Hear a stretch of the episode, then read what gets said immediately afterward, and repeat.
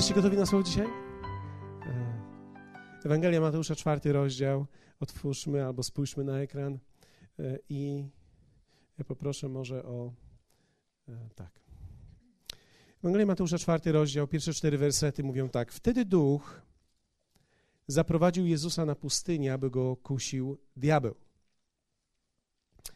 A gdy pościł czterdzieści dni i czterdzieści nocy, wówczas łaknął. I przystąpili do niego, i przystąpił do niego kusiciel i rzekł mu: Jeżeli jesteś synem Bożym, powiedz, aby te kamienie stały się chlebem. A on odpowiadając, rzekł: Napisano: Nie samym chlebem żyje człowiek, ale każdym słowem, które pochodzi z ust Bożych. I podobny fragment z piątej Mojżeszowej, ósmego rozdziału brzmi następująco. Zachowaj też w pamięci całą drogę, którą Pan Bóg Twój prowadził Cię przez czterdzieści lat po pustyni, aby Cię ukorzyć i doświadczyć, i aby poznać, co jest w Twoim sercu, czy będziesz przestrzegał Jego przykazań, czy nie. Upokarzał Cię i morzył Cię głodem, ale też karmił Cię manną, której nie znałeś ani Ty, ani nie znali Twoi ojcowie – aby dać Ci poznać, iż człowiek nie samym chlebem żyje, lecz że człowiek żyć będzie wszystkim, co wychodzi z ust Pana. E, nie wiem, czy uda mi się to zrobić w kolejnych tygodniach, ponieważ za tydzień mamy spotkanie e, tych wszystkich, którzy byli z nami na Gnieźnieńskiej, natomiast e, mam nadzieję, że w kolejnym czwartek uda mi się pociągnąć to dalej. Chciałbym podzielić się z Wami kilkoma lekcjami pustyni. I tak zatytułowałem to dzisiejsze spotkanie lekcję pustyni. Nie samym chlebem. Nie samym chlebem. Chciałbym, żebyście zwrócili uwagę na werset pierwszy Ewangelii Matusza czwartego rozdziału, gdzie jest powiedziane: Wtedy duch zaprowadził Jezusa na pustynię, aby go kusił diabeł. To jest bardzo ciekawe, ponieważ to duch wprowadza nas na pustynię. Jak wielu z Was wie o tym, że pustynia nie jest doświadczeniem tylko Izraela, ani jakichś szczególnie umęczonych chrześcijan. Ale pustynia to jest doświadczenie wszystkich wierzących, którzy będą szli za Panem. Doświadczenie pustyni jest częścią naszego życia nie tylko tutaj na ziemi, ale jest częścią naszego życia w ogóle, ponieważ Bóg pragnie, abyśmy weszli na zupełnie nowy poziom, abyśmy byli gotowi wziąć to wszystko, co jest za pustynią. Kiedy Bóg planuje przeprowadzać nas przez pustynię, On planuje przeprowadzić nas po to, aby wprowadzić nas do ziemi, która jest przed nami.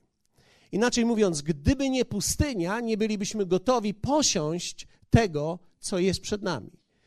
Kiedy ktoś z Was czytał Stary Testament albo zna, przynajmniej chociażby pobieżnie, historię Izraela, wie o tym, że naród wyszedł z Egiptu, tak? Wszedł na pustynię, przez 40 lat był na pustyni i celem pustyni było przygotować ich, aby byli gotowi wziąć ziemię obiecaną. Każda pustynia ma cel, którym jest rozwinąć ciebie, mnie na nowy poziom. Bóg nie wprowadza wierzących na pustynię, dlatego że ich skazał na pustynię. On ich wybrał, żeby ich przeprowadzić przez pustynię. Każdy człowiek będzie przechodził przez pustynię, ale nie każdy wejdzie do ziemi obiecanej. Wiecie, rzeczywistość królestwa jest taka. Wszyscy wychodzą z Egiptu, ale nie wszyscy wchodzą do ziemi obiecanej. Powiedzmy razem, wszyscy wychodzą, ale nie wszyscy wchodzą. Teraz, co mam na myśli, mówiąc, wszyscy wychodzą? Wyjście jest proste. Wyjście jest tylko i wyłącznie kwestią zaufania.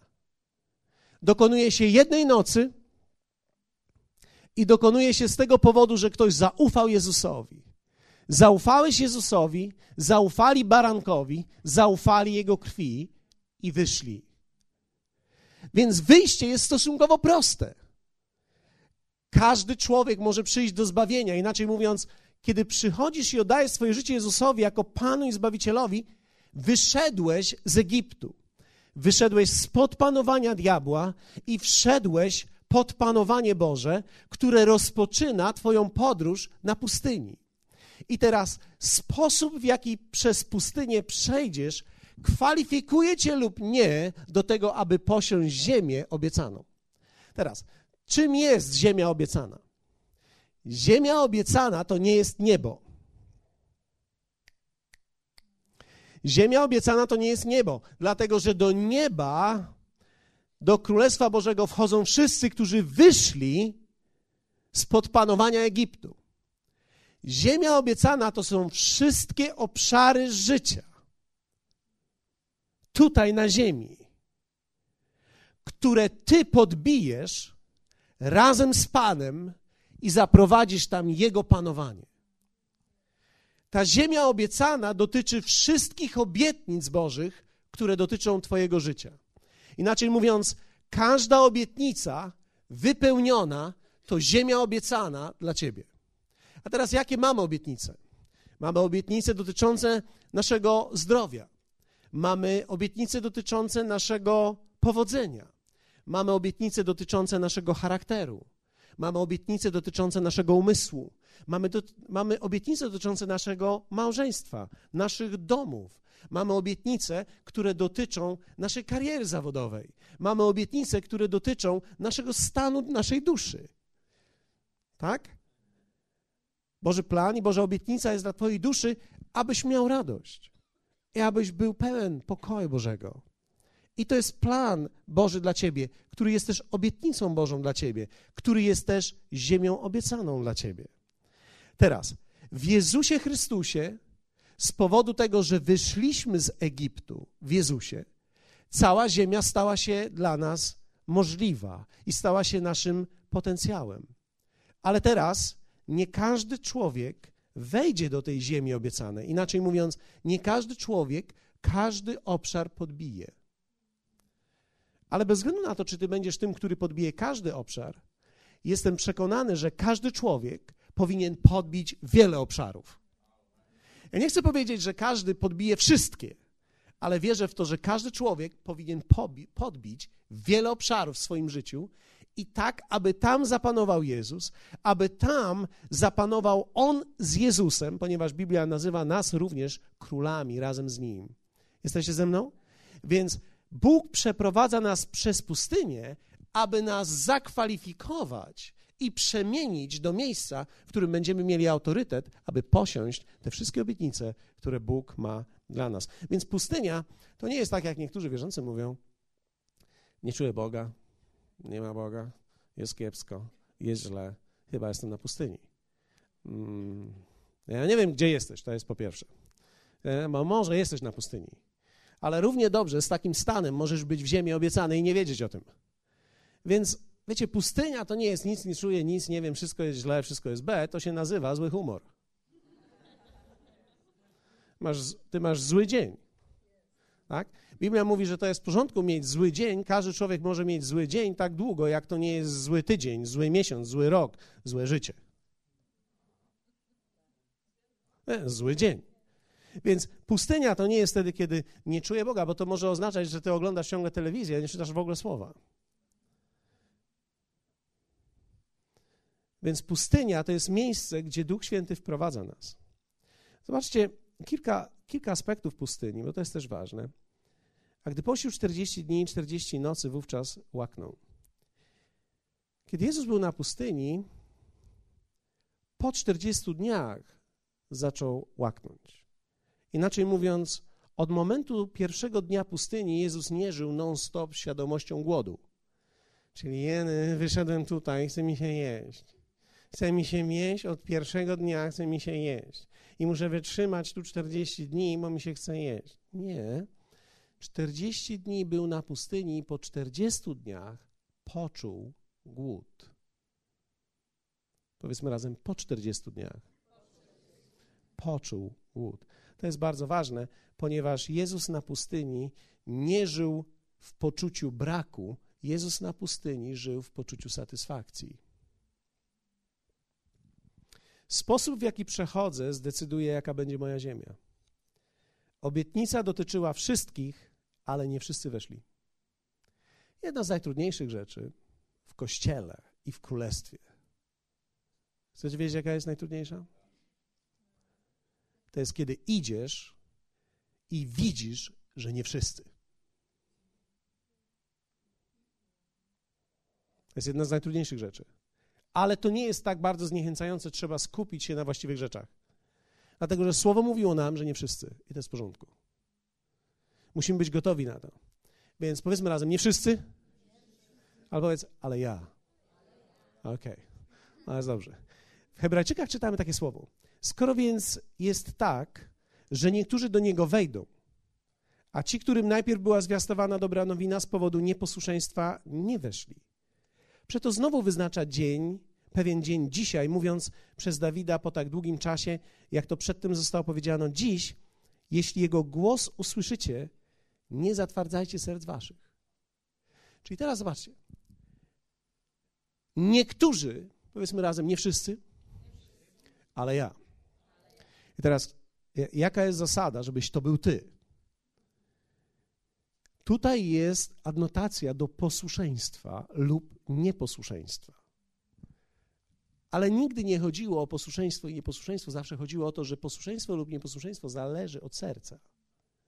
Dlatego dalej autor listu do Hebrajczyków mówi tak, że w dniu, kiedy usłyszycie jego głos, nie zatwardzajcie serc waszych, bo co to znaczy zatwardzić serce? Znaczy nie przegrzać, jak jajko, nie chodzi o to. Tu chodzi o to, zatwardzić oznacza nie słyszeć. Nie usłyszałem, ponieważ moje serce jest skoncentrowane na innych rzeczach. Tak? Więc kiedy dbam o moje serce cały czas i moje serce właściwie jest kształtowane przez Słowo, jest w dalszym ciągu elastyczne, miękkie, wrażliwe, będę słyszał Jego głos.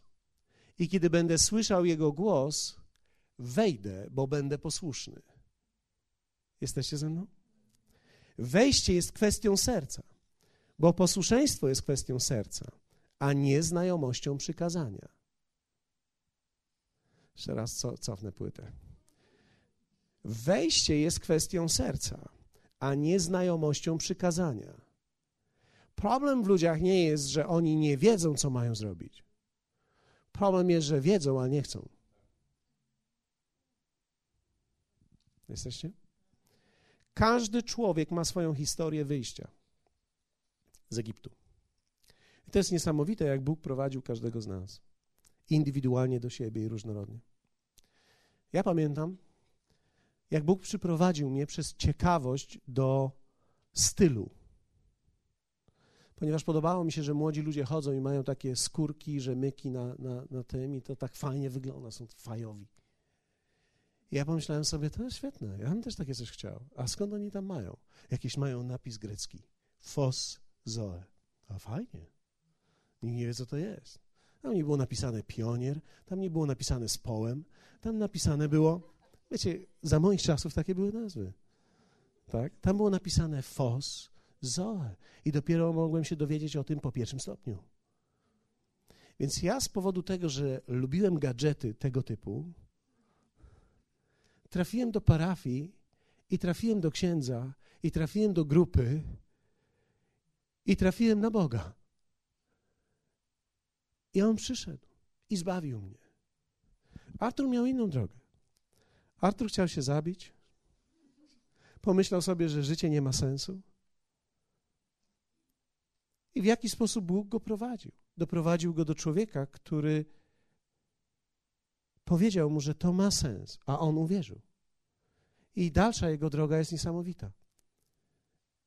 Każdy z nas, kiedy patrzy, Rafał, Rafał miał genialną, musicie posłuchać, jaką Rafał miał drogę. Rafał, Bóg zba, jeśli Bóg zbawił Rafała, Bóg zbawi każdego. Jeśli był najdziwniejszy, najtrudniejszy przypadek na globie, całym globie, był Rafał. I Bóg dotarł do niego. Bóg zbawił wielu różnych ludzi. Bóg wyprowadza nas na wiele różnych sposobów. Ktoś może zaprosił ciebie do kościoła tutaj. Przyszedłeś i byłeś wystraszony z jakiegoś innego, dziwnego kościoła. Jeny, ciekawe, co oznaczają te kule. Pewnie tych kul wtedy nie było, ale niektórzy może... Ciekawe, co oznaczają te kule. Może oni coś rozpryskują tymi kulami, może... Ciekawe, ciekawe, co tu jest. Ciekawe, może coś dmuchają, może coś robią, może, może to jakaś jest ogólna paranoja, może ciekawe, co tu robią. Ale, ale nagle siedzisz sobie, myślisz, myślisz tak, to brzmi jakoś logicznie, to ma jakiś sens dla mnie. I zaczyna Bóg pracować nad twoim sercem, myślisz sobie, hej, może to ma sens. Niektórzy oglądali telewizję.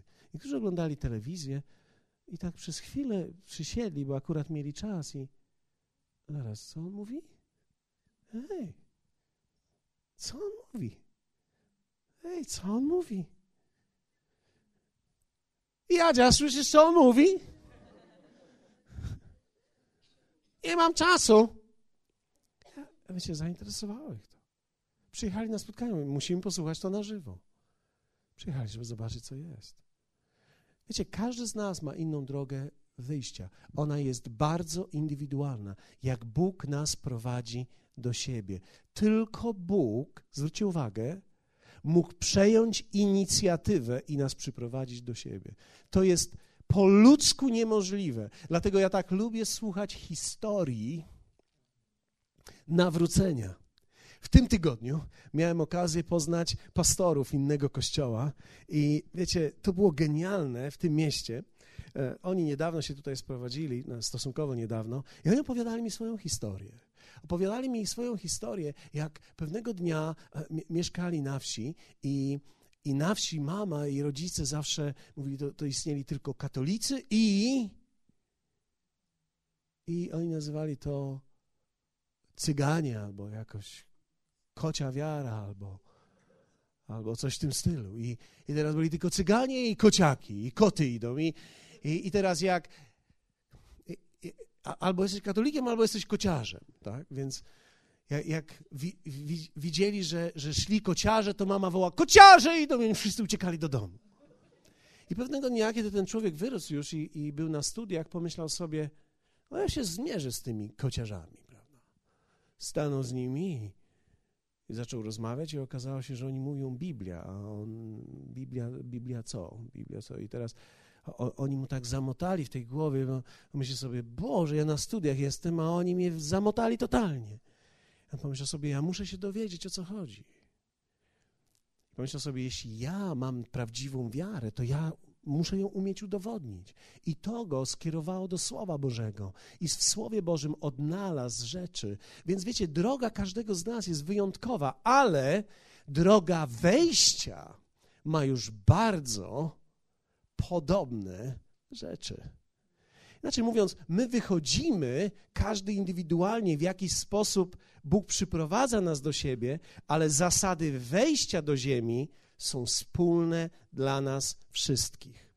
Każdy ma historię wejścia, która zależy od niego i od tego, jakie lekcje wspólnie przejdzie w czasie podróży po pustyni. Jakich lekcji nauczysz się, kiedy na pustyni będziesz? Wiele obietnic oznacza wiele obszarów ziemi do posiadania. Bóg, zwróćcie uwagę, już dał nam tą ziemię w Chrystusie, już wszystko mamy. Ale my musimy ją podbić, przechodząc przez pustynię. I tutaj fragment jest taki. Aby Cię ukorzyć, tak? Czytaliśmy. I doświadczyć, i aby poznać, co jest w Twoim sercu, czy będziesz przestrzegał Jego przykazań, czy nie. Bóg wprowadza Cię na pustynię, nie po to, żeby On poznał, co jest w tobie, tylko wprowadza ciebie na pustynię, abyś ty poznał, co w, tobie jest. Inaczej mówiąc, Bóg wprowadza ciebie do miejsca braku. Że przestajesz dostawać rzeczy, które zawsze dostawałeś. Żebyś sam mógł zobaczyć, jak się zachowujesz, kiedy nie masz tego, co zawsze miałeś. Bóg wprowadza nas w miejsce braku, abyśmy my mogli zobaczyć, co naprawdę w nas jest. Każdy człowiek dobrze śpiewa, gdy wszystko dobrze idzie. Ale musisz wejść w miejsce, gdzie jest trudno, żebyś zobaczył, czy dalej jest w tobie śpiew. Dlatego, że jeśli śpiewasz tylko wtedy, kiedy jest dobrze, to nie ma w tym w ogóle wiary. Jest ci po prostu lekko. pieśń sama wychodzi z ciebie, nawet jak śpiewać nie umiesz. Nie ma innego sposobu, aby zobaczyć, co jest w człowieku, jak tylko nie dać mu tego, co chce lub potrzebuje, lub to, co jest dla niego ważne. Nie ma innego sposobu, żeby człowiek mógł zobaczyć, co w nim jest, jak znaleźć się w punkcie, w którym czegoś nie ma, co, co lubi lub potrzebuje. Pustynia nie jest dowodem dla Boga, ale jest sprawdzianem dla człowieka. Na pustyni bowiem zmieniamy dietę. Pustynia służy do zmiany diety. Powiedzmy razem, zmieniamy dietę. Powiedzmy, nie wszyscy, ale ja. Oni nie wszyscy weszli, ale ty wejdziesz, tak? No, możesz to złożyć jako swoje wyznanie. Powiedzmy razem, ja wejdę. Ja wejdę do ziemi obiecanej i posiądę wszystko, co Bóg ma dla mnie. I teraz, jeśli chcę w to wejść, to oznacza, że jestem zdeterminowany, aby wejść na pustynię. I teraz na pustyni oznacza, kiedy wchodzę na pustynię, na pewno czegoś nie dostanę, coś, co mnie karmiło, coś, co było wielkie dla mnie, coś, co było błogosławieństwem, tego nie dostaniesz. Będziesz musiał zmienić dietę. Kiedy niedostarczany jest dany pokarm, trzeba jeść zupełnie inne rzeczy. Kiedy nie dostarczamy organizmowi pokarmu z zewnątrz, wtedy nasze ciało zaczyna spożywać to, co jest wewnątrz. Zjadamy siebie, nasz nadmiar. O, hallelujah! Kiedy nie dasz jeść temu ciału, to ciało zacznie jeść siebie. Hallelujah! Najpierw zje nadmiar, a później zacznie konsumować siebie do pewnego stanu, do pewnego momentu. A więc istnieje zmiana diety. Rzeczy, które karmiły mnie wcześniej. Dlatego, kiedy naród wyszedł na pustynię, jest jeden z fragmentów, który mówi, gdy wyszedł na pustynię i dostali mannę, w pewnym momencie pomyśleli sobie, ta cebulka smażona. Byliśmy w Egipcie, mieliśmy cebulę i czosnek. Czosneczek, czujecie czosneczek? Czosneczek, samo zdrowie. Cebulka, samo zdrowie. Niektórzy tutaj jedzą cebulkę jak jabłka. Niektórzy jedzą czosneczek, delektują się, bo jest to najlepszy antybiotyk. A tutaj wychodzą na pustynię i nie ma antybiotyku, nie ma cebulki, nie ma czosneczku, jest manna. Manna oznacza co to? Manna nie ma wielkiej nazwy. Nie jest napisane Coca-Cola, nie jest napisane siedem zbóż, albo jeszcze. manna jest to takie coś, co jak patrzysz na to, co to? Więc to, to definiuje od razu, to, to, definiuje e, takiego faceta, który przychodzi do domu i, i, i żona nie zdążyła zrobić obiadu i jedyne co miała to jest, to jest owsiankę. Nie miała mleka, zrobiła ją na wodzie. Zrobiła ją na wodzie. Nie miała soli, nie miała cukru, nie miała nic. Podała mu i on pyta, co to? Zmiana diety. Powiedzmy razem zmiana diety. Jezus przeżył to, jest dla nas mistrzem, i ja wierzę w to, że każdy człowiek na pustyni musi zacząć jeść zupełnie inne rzeczy. W Ewangelii Jana, w czwartym rozdziale, w wersecie 31, czytamy taki fragment. Tymczasem jego uczniowie prosili go, mówiąc: Mistrzu, jedz. To jest historia, kiedy uczniowie zgłodnieli, nie mieli już jedzenia i poszli po jedzenie do miasta. Jezus został i rozmawiał z kobietą Samarytanką. Rozmawiał z nią przez dłuższy czas, po pewnym czasie przyszli uczniowie, oni już pewnie po drodze coś zjedli, myśleli, że Jezus jest głodny, więc mówią do niego, mistrzu, jedz. Powiedzmy razem zmiana diety. Zobaczcie teraz. Oni mówią, mistrzu, jedz, a on rzekł do nich, ja mam pokarm do jedzenia, o którym wy nie wiecie.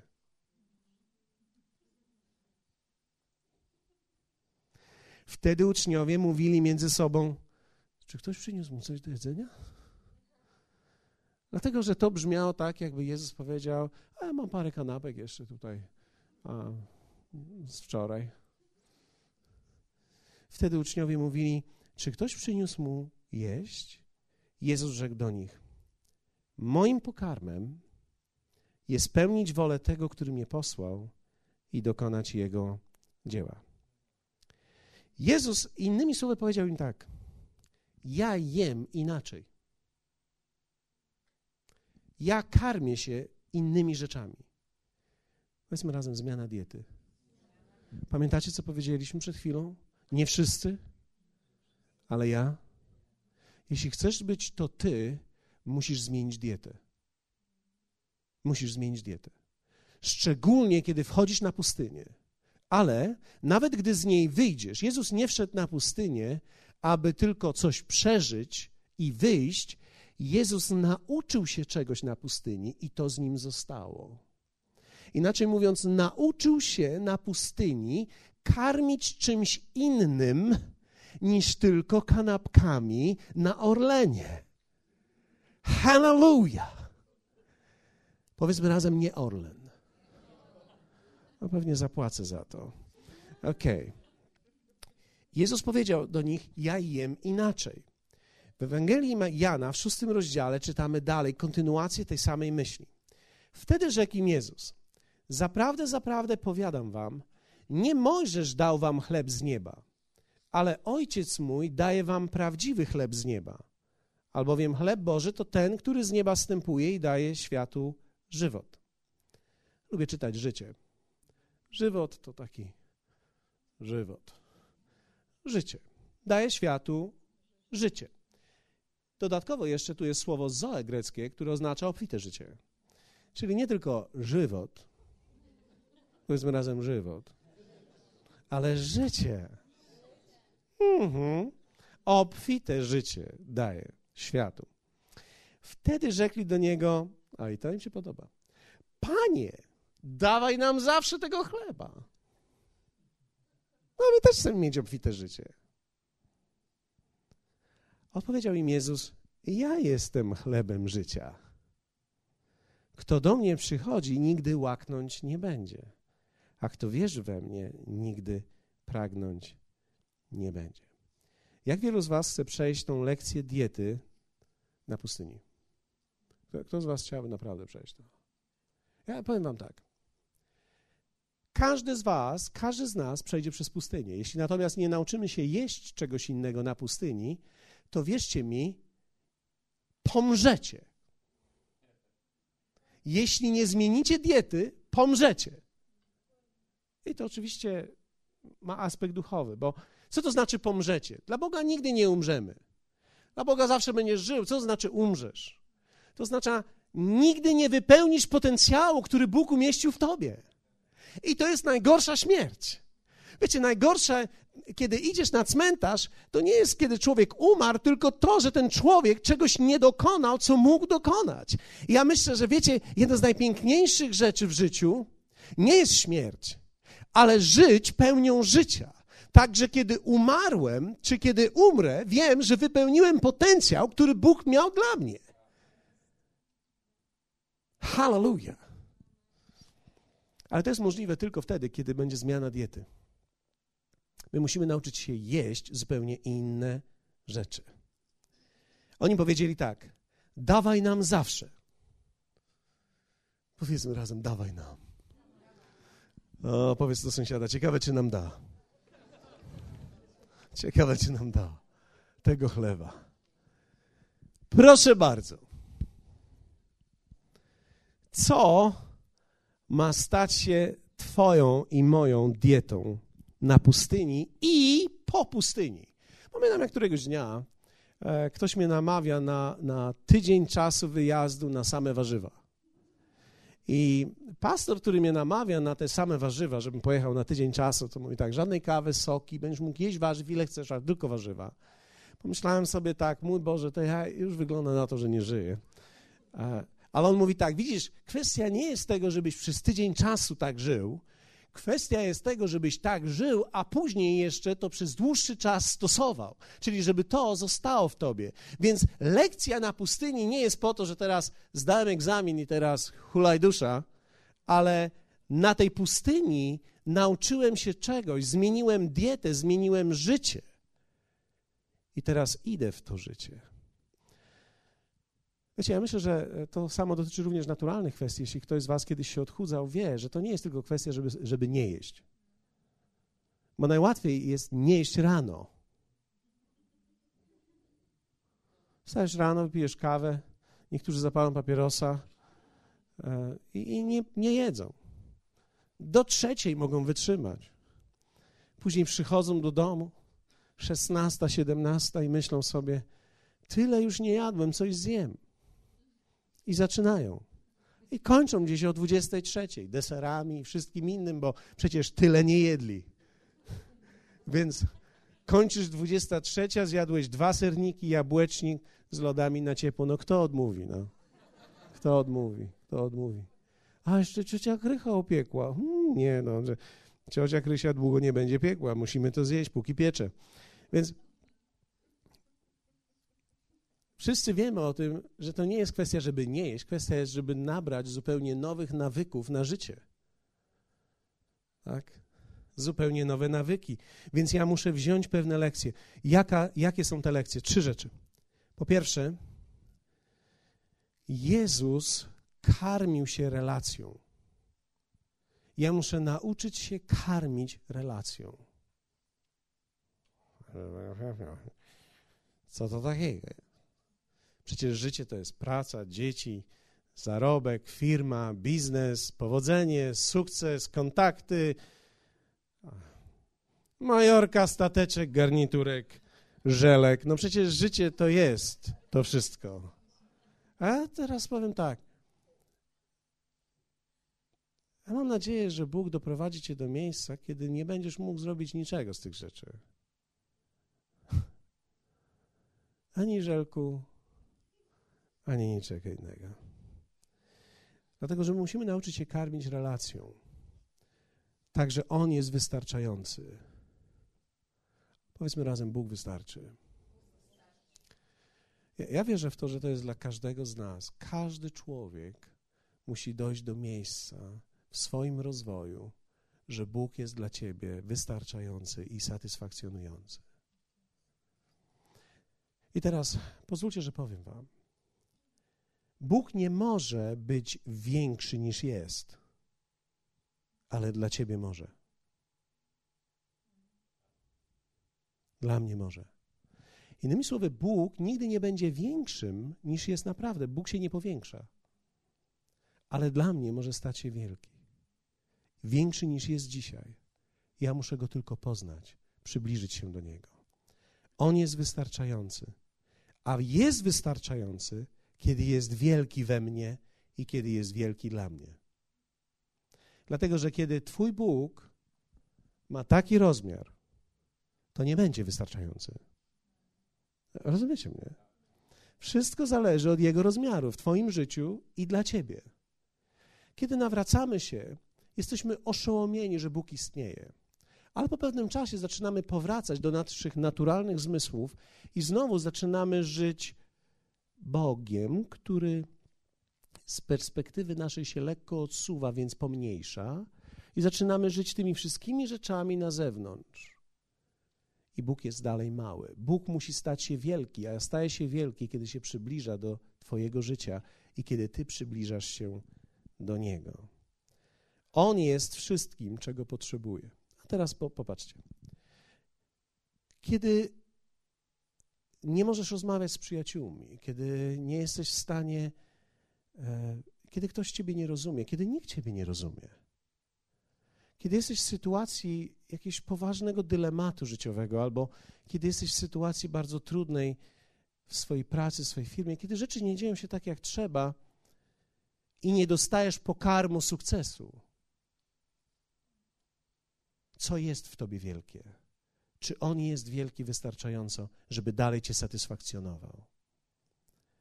Ponieważ trzeba zacząć karmić się relacją. Zobaczcie, Jezus powiedział: Kto do mnie przychodzi, nigdy łaknąć nie będzie.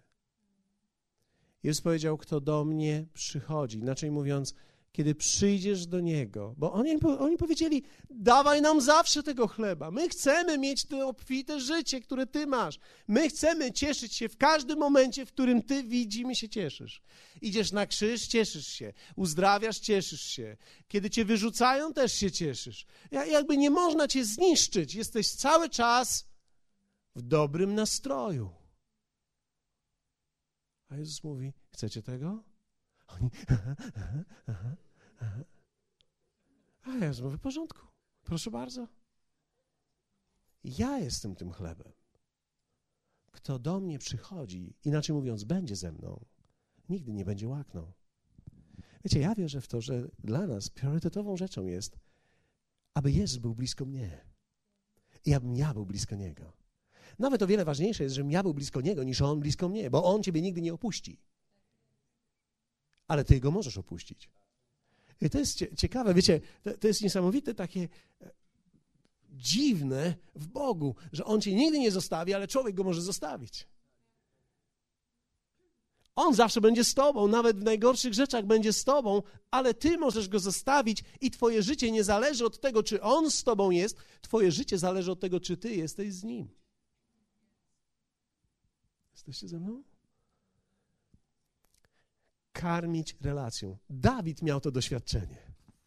Dawid jako jeden z przykładów Starego Testamentu miał takie doświadczenie Boga, był tak bardzo blisko Boga. Dawid pisał w Psalmie 63 tak: Boże, Tyś Bogiem moim, Ciebie gorliwie szukam. Ciebie pragnie dusza moja, tęskni do Ciebie ciało moje, jak ziemia zeschła, spragniona i bezwodna. Znaczy, to jest niesamowite. Dawid mówi: Głodny jestem ciebie. Powiedzmy razem zmiana diety.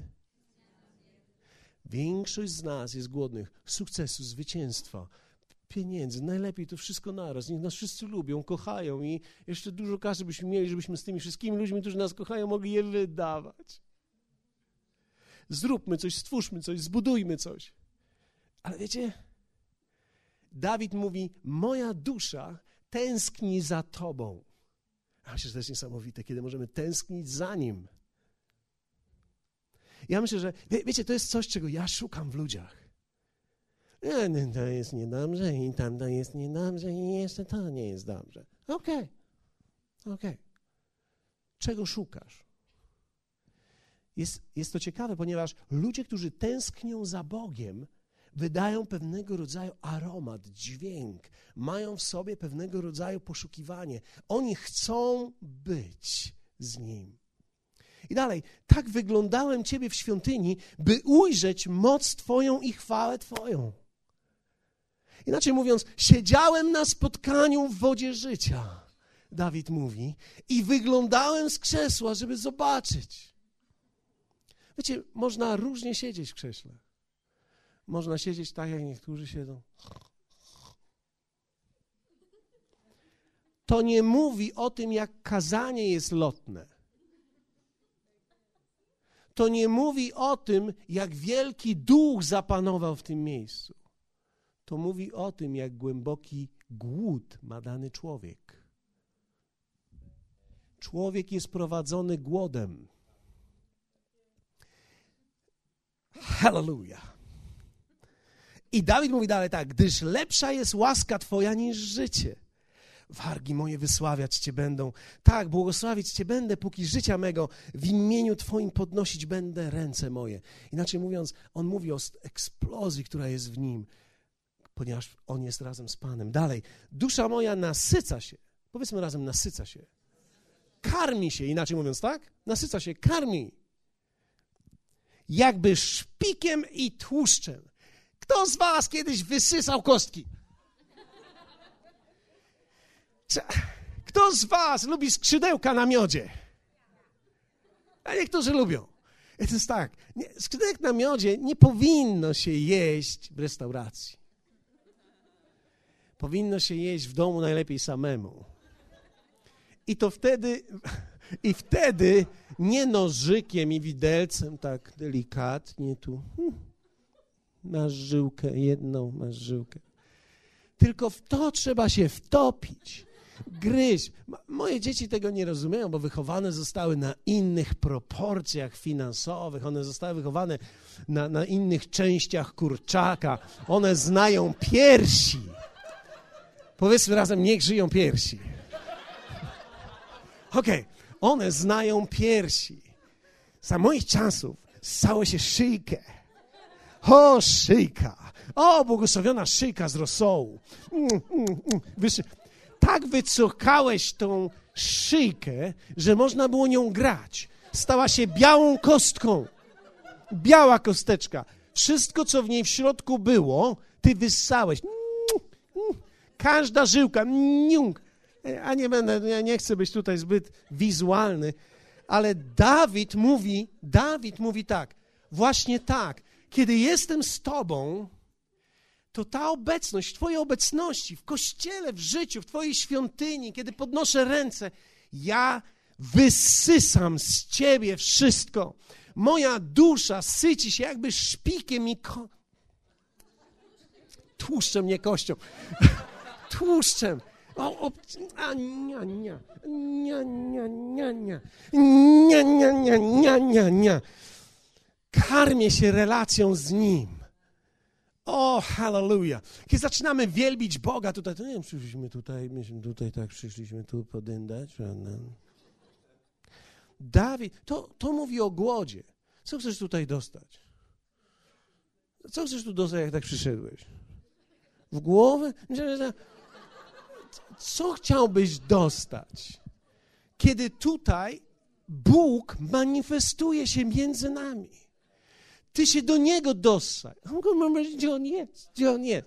Dobrze, szukaj. Szukaj jak takie ciele, które szuka cycka mamy. Szukaj. Znajdziesz. Gwarantuję ci, że można znaleźć. Teraz, kiedy byliśmy e, na, na, konferencji e, we Wrocławiu, zaczęliśmy śpiewać, zaczęliśmy śpiewać i zawsze, kiedy jestem w innym kościele niż ten, mogę się rozluźnić. Tutaj się czasami rozluźniam ale nie zawsze. I tak się rozluźniłem. I czułem, jak on przyszedł. I tak żeśmy sali razem i, i, i czułem, jak płaczę. Jestem cały w tych kościach. Wyszedłem, byłem...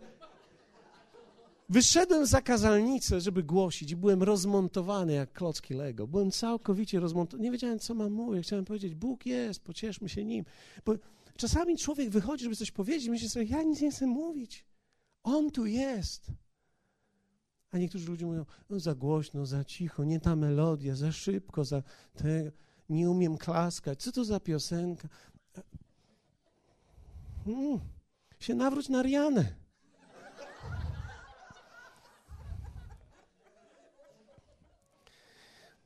Dusza moja nasyca się jakby szpikiem i tłuszczem, a usta moje będą Cię wielbić radosnymi wargami. Czujecie to? Wiecie, gdzie jest sanie? Usta, sanie? Powiedzmy razem usta, ssanie, szpik, tłuszcz. Mm, dobrze. I, I teraz, jak już się tak objadłem, Dawid mówi: Wspominam cię na łożu moim.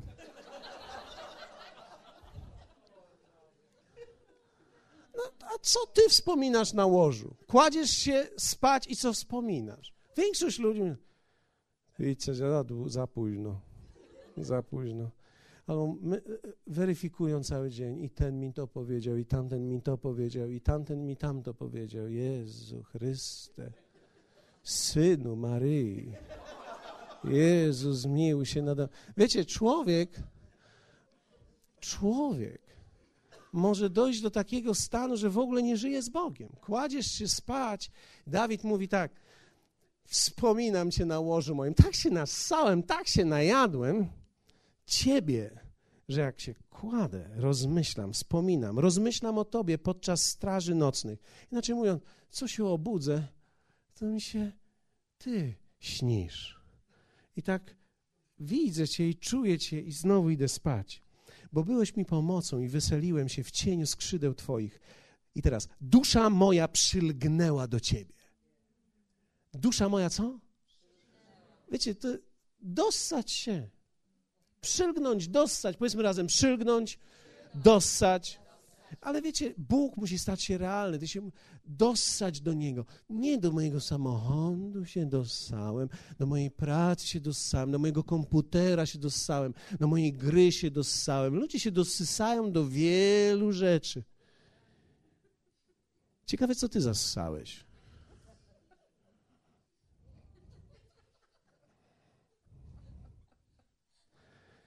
Powiedzmy razem, każdy człowiek coś się. To jest prawda życia. Każdy człowiek coś się i to, co siesz, staje się tobą. Dawid mówi, nassałem się ciebie, sam ciebie, przylgnąłem do ciebie, jesteś wszystkim. To jest dokładnie to, co Jezus miał na myśli. Oni poszli jeść, szukali jedzenia, on mówi, ja mam pokarm inny. Ja mam inny pokarm. Oni, to dawaj nam zawsze, proszę bardzo. Karmić się relacją. Drugie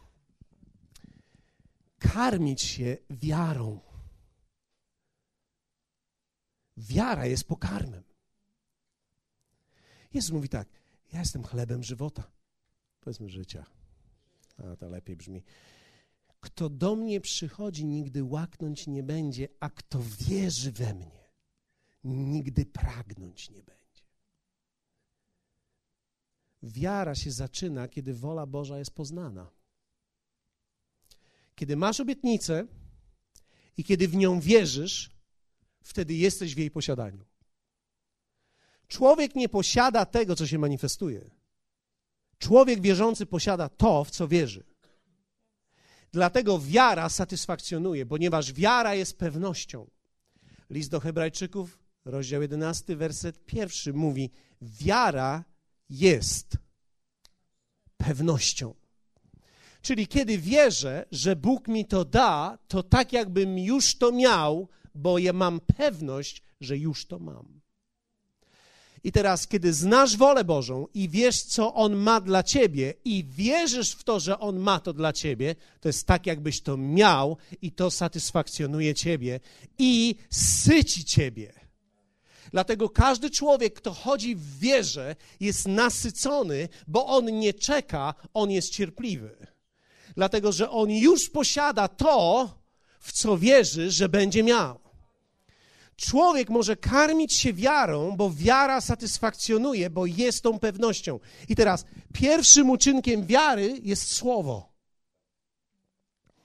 Kiedy człowiek wierzy, zaczyna mówić o czymś, że to już jest jego. Zaczyna wyznawać. Kiedy masz dzisiaj złe życie, żyjesz w depresji, jesteś załamany, a wierzysz, że Bóg ma dla ciebie dobre życie, w pokoju umysłu zaczynasz mówić: Dziękuję Ci, mam to życie, mam pokój w sobie, mam pokój, nie mam depresji, mam pokój. Depresja musi odejść, zmaganie musi odejść, ponieważ ja mam pokój Boży, który przewyższa wszelkie zrozumienie. Mam radość Bożą, bo ona jest moją obietnicą. Radość to nie jest efekt podwyżki. Radość to jest efekt wierzenia w obietnicę. I kiedy wierzę w obietnicę, przyjmuję ją i mam radość, zanim ją nawet widzę. Wiara przychodzi ze słuchania. Dlatego wiary się nie bierze. Wiarę trzeba przyjąć, która przychodzi. Dlatego jest tak ważne, abyś był zawsze pod słowem wiary. Bo wiary nie można znikąd indziej wziąć. Wiara będzie przychodzić, gdy będziesz pod słowem wiary. Dlatego ludzie w setkach i w tysiącach kupują płytę tu w tym miejscu. Posłuchajcie mnie. Są ludzie, którzy przez ostatnie lata słuchają wszystko, co wychodzi z tego miejsca. I wiecie, co się dzieje?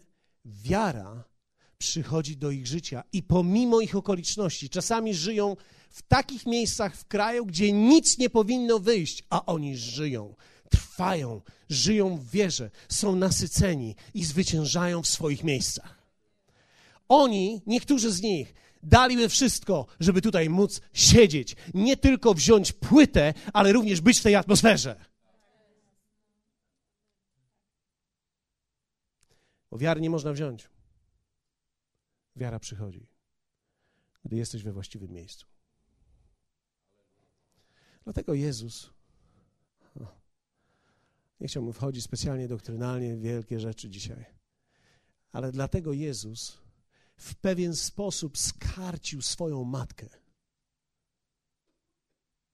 mówiąc: Moją matką i moimi braćmi są ci, którzy słuchają Słowa Bożego i wypełniają je. Dlatego, że powiedziano do niego: Twoja matka i twoi bracia są, stoją tam i czekają na ciebie. Hej. To jest ciekawe, że czasami ludzie, którzy są blisko, potrafią być daleko. A ludzie, którzy są daleko, potrafią być blisko. Dlatego, że nigdy nie chodzi o dystans, zawsze chodzi o serce. To, co zawsze mówiłem, najdalej ma ten, któremu się nie chce. Ci ludzie mieszkają najdalej kościoła. To są zawsze ci, którym się nie chce. Hallelujah. Chwała Pan, że zawsze są tacy, którym się chce. Karmić wiarą. Dowodem wiary nie jest owoc wiary, ale uczynek wiary. Jak możesz udowodnić sobie, że masz wiarę, kiedy żyjesz przez wiarę i działasz w wierze? Zamiast więc o więcej wiary, proś o uszy do słuchania. Dlatego, że wiara przychodzi przez słuchanie. Uszy do słuchania to ciągła przemiana serca. Dlatego człowiek swoje życie duchowe do ziemi obiecanej zawsze wchodzi tak samo. Zaczynamy od. Chcecie wiedzieć jak? Bojaźń. Zaczynamy od szacunku. Najpierw musisz zacząć szanować, mieć coś jako ważne.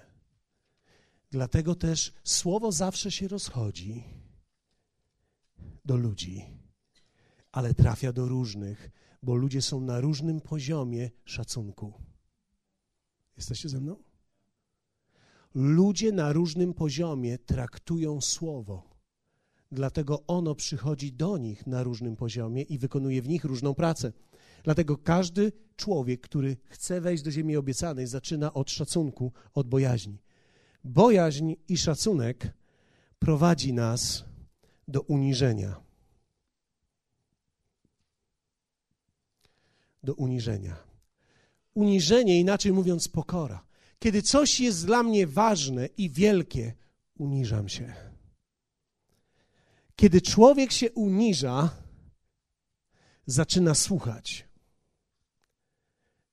Słuchanie. Kiedy człowiek ma pokorę w sobie, zaczyna słyszeć. Posłuchajcie mnie. Dlatego nie może człowiek się uniżyć przed czymś, czego nie szanuje. Teraz. Jedyną rzecz, którą diabeł musi zrobić w Twoim życiu, żeby Cię z tego wypstryknąć tej drogi, to jest dać Ci spoufalenie do wszystkiego, co kiedyś szanowałeś. Kiedy przestajesz szanować swoją żonę,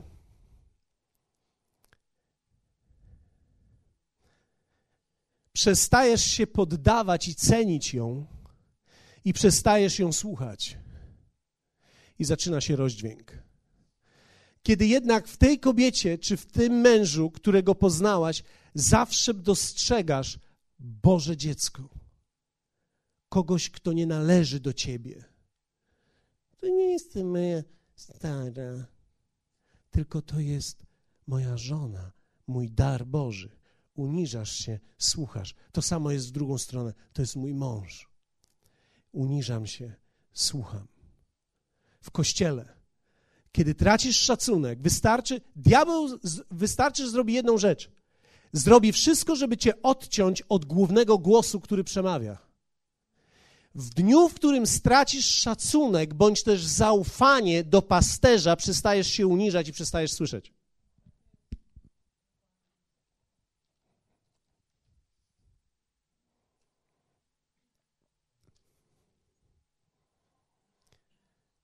W dniu, w którym przestajesz szanować to, co On ci daje, przestajesz się uniżać i już nie słyszysz. I to już jest początek końca. Myślicie, że kogoś to zatrzyma przed końcem? Nie. Jezus siedział wśród dwunastu i powiedział: Jeden z was mnie zdradzi. Czy Judasz wtedy przyszedł do siebie, do, swojego, do swojej głowy i powiedział: To chyba o mnie jest, muszę coś z sobą zrobić. Jezu, czy mogę Cię prosić na stronę? Nie, nie, nie. Ja Wam mówię te rzeczy nie po to, żeby poprawić tych, którzy są braku szacunku, tylko tych, którzy w dalszym ciągu szanują. Ponieważ ci, którzy to już stracili, są już, domino już poszło. Ja nie ratuję ich, ja ratuję Was, którzy jeszcze słyszycie. Powiedzcie razem ze mną, dziękujemy Ci, Panie, że nas uczysz swoich prawd. Słuchanie daje wiarę. Wiara przychodzi ze słuchania. Z wiary są uczynki wiary.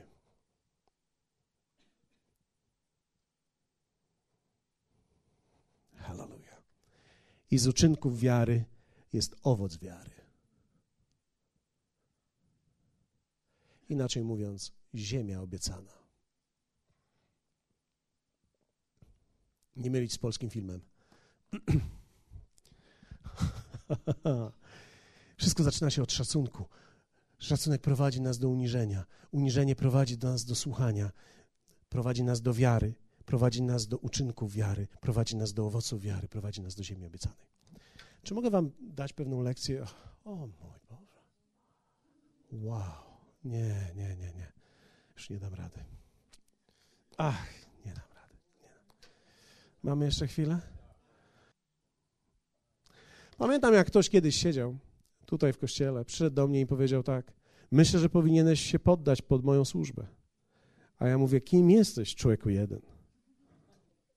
A on mówi: Widzisz, jam prorok, tyś pastor. Pastor jest niżej niż prorok. I ja mówię: A tyś prorok, bo kto tak powiedział? Bóg sam powiedział. Ja mówię: Wiesz co, to niech Bóg dalej do ciebie przemawia.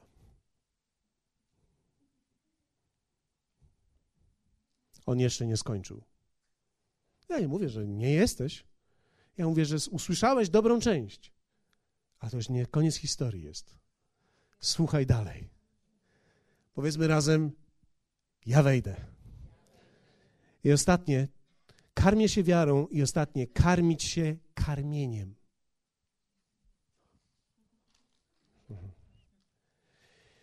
Jezus, pamiętacie, co Jezus zrobił, kiedy kiedy był tam w tym miejscu, kiedy oni poszli po chleb? On dał siebie i pomógł tej kobiecie. Jezus dawał samemu, będąc w potrzebie. Jezus dawał, kiedy był w potrzebie. Ludzie, którzy przechodzą właściwie lekcje, są przyjemni innym ludziom i dalej dają. Wiecie, Jezus, kiedy poszedł na pustynię, nie siedział na tej pustyni i nie mówił, już nie jadłem 30 dni, a przecież Polak jak głodny to zły. Naszym razem? Głodny to zły? Taki jest każdy cielesny człowiek. Gdy czegoś nie dostaje, jest nerwowy, zły. Nie dostałem, nie dostałem, nie mam, jestem zły. Ale kiedy prawidłowo przechodzisz tą lekcję i kiedy karmisz się relacją i karmisz się wiarą, to również będziesz w tym czasie mógł dawać innym. I kiedy jesteś sam w trudnej sytuacji, dalej uśmiechasz się do ludzi.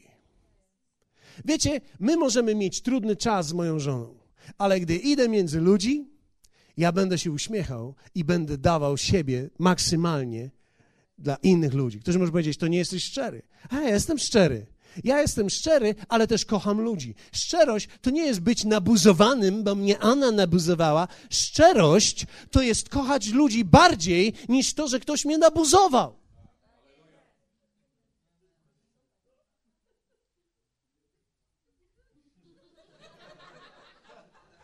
Hallelujah.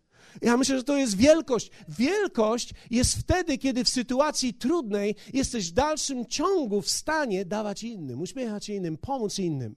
Kiedy ty nie masz i właśnie ci zabrali ci podwyżkę, zabrali ci premię, zabrali ci coś tam i jeszcze rachunek przyszedł za energię ty dalej jesteś dawcą dla innych ludzi, uśmiechasz się, nie jesteś złośliwy, nie jesteś wstrętny.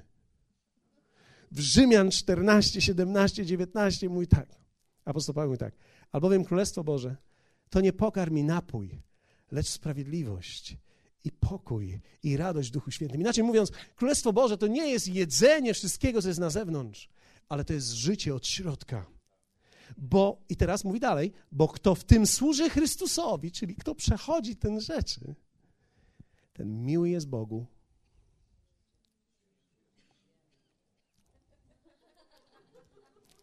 What to? Jaki jest względem ludzi?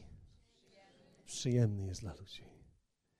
Bo kto w tym służy Chrystusowi, miły jest Bogu i przyjemny ludziom. Łatwo jest być nieprzyjemnym, kiedy rzeczy u nas nie idą dobrze. Ale kiedy zmieniamy dietę, nagle jesteśmy nasyceni i nakarmieni, dlatego jesteśmy dla ludzi przyjemni. Halleluja. To jest zmiana diety. Karmić się karmieniem. Wiecie, czasami, nikt, nikt z Was nigdy nie będzie wiedział, kiedy mam zły dzień. Z wyjątkiem tych, którzy są bardzo blisko mnie. Ale kiedy są ludzie, którzy mają otrzymać ode mnie nie mnie, ale Boga, dostają go i dostaną. Dlatego, że nigdy nie miałem dawać siebie, ale Jego. A to oznacza, że człowiek musi nauczyć się karmić dawaniem, stawać obok, bez względu na swoją sytuację i stan, i służyć. I być uprzejmym. Nawet kiedy dziecko coś zrobiło nie tak, przychodzisz do kościoła i masz służbę w tym dniu, jesteś uśmiechnięty dla ludzi ze względu na ludzi, ponieważ jesteś wielki. Wielkość to jest służenie. Jak wielu z Was chciałoby zmienić tą dietę i pozostać w tym? Jezus powiedział: Ja mam inny pokarm. Dawaj nam zawsze, Panie, tego chleba. A mówi: Proszę bardzo. Kto przychodzi do mnie, nigdy łaknąć nie będzie. Kto wierzy we mnie, nigdy pragnąć nie będzie.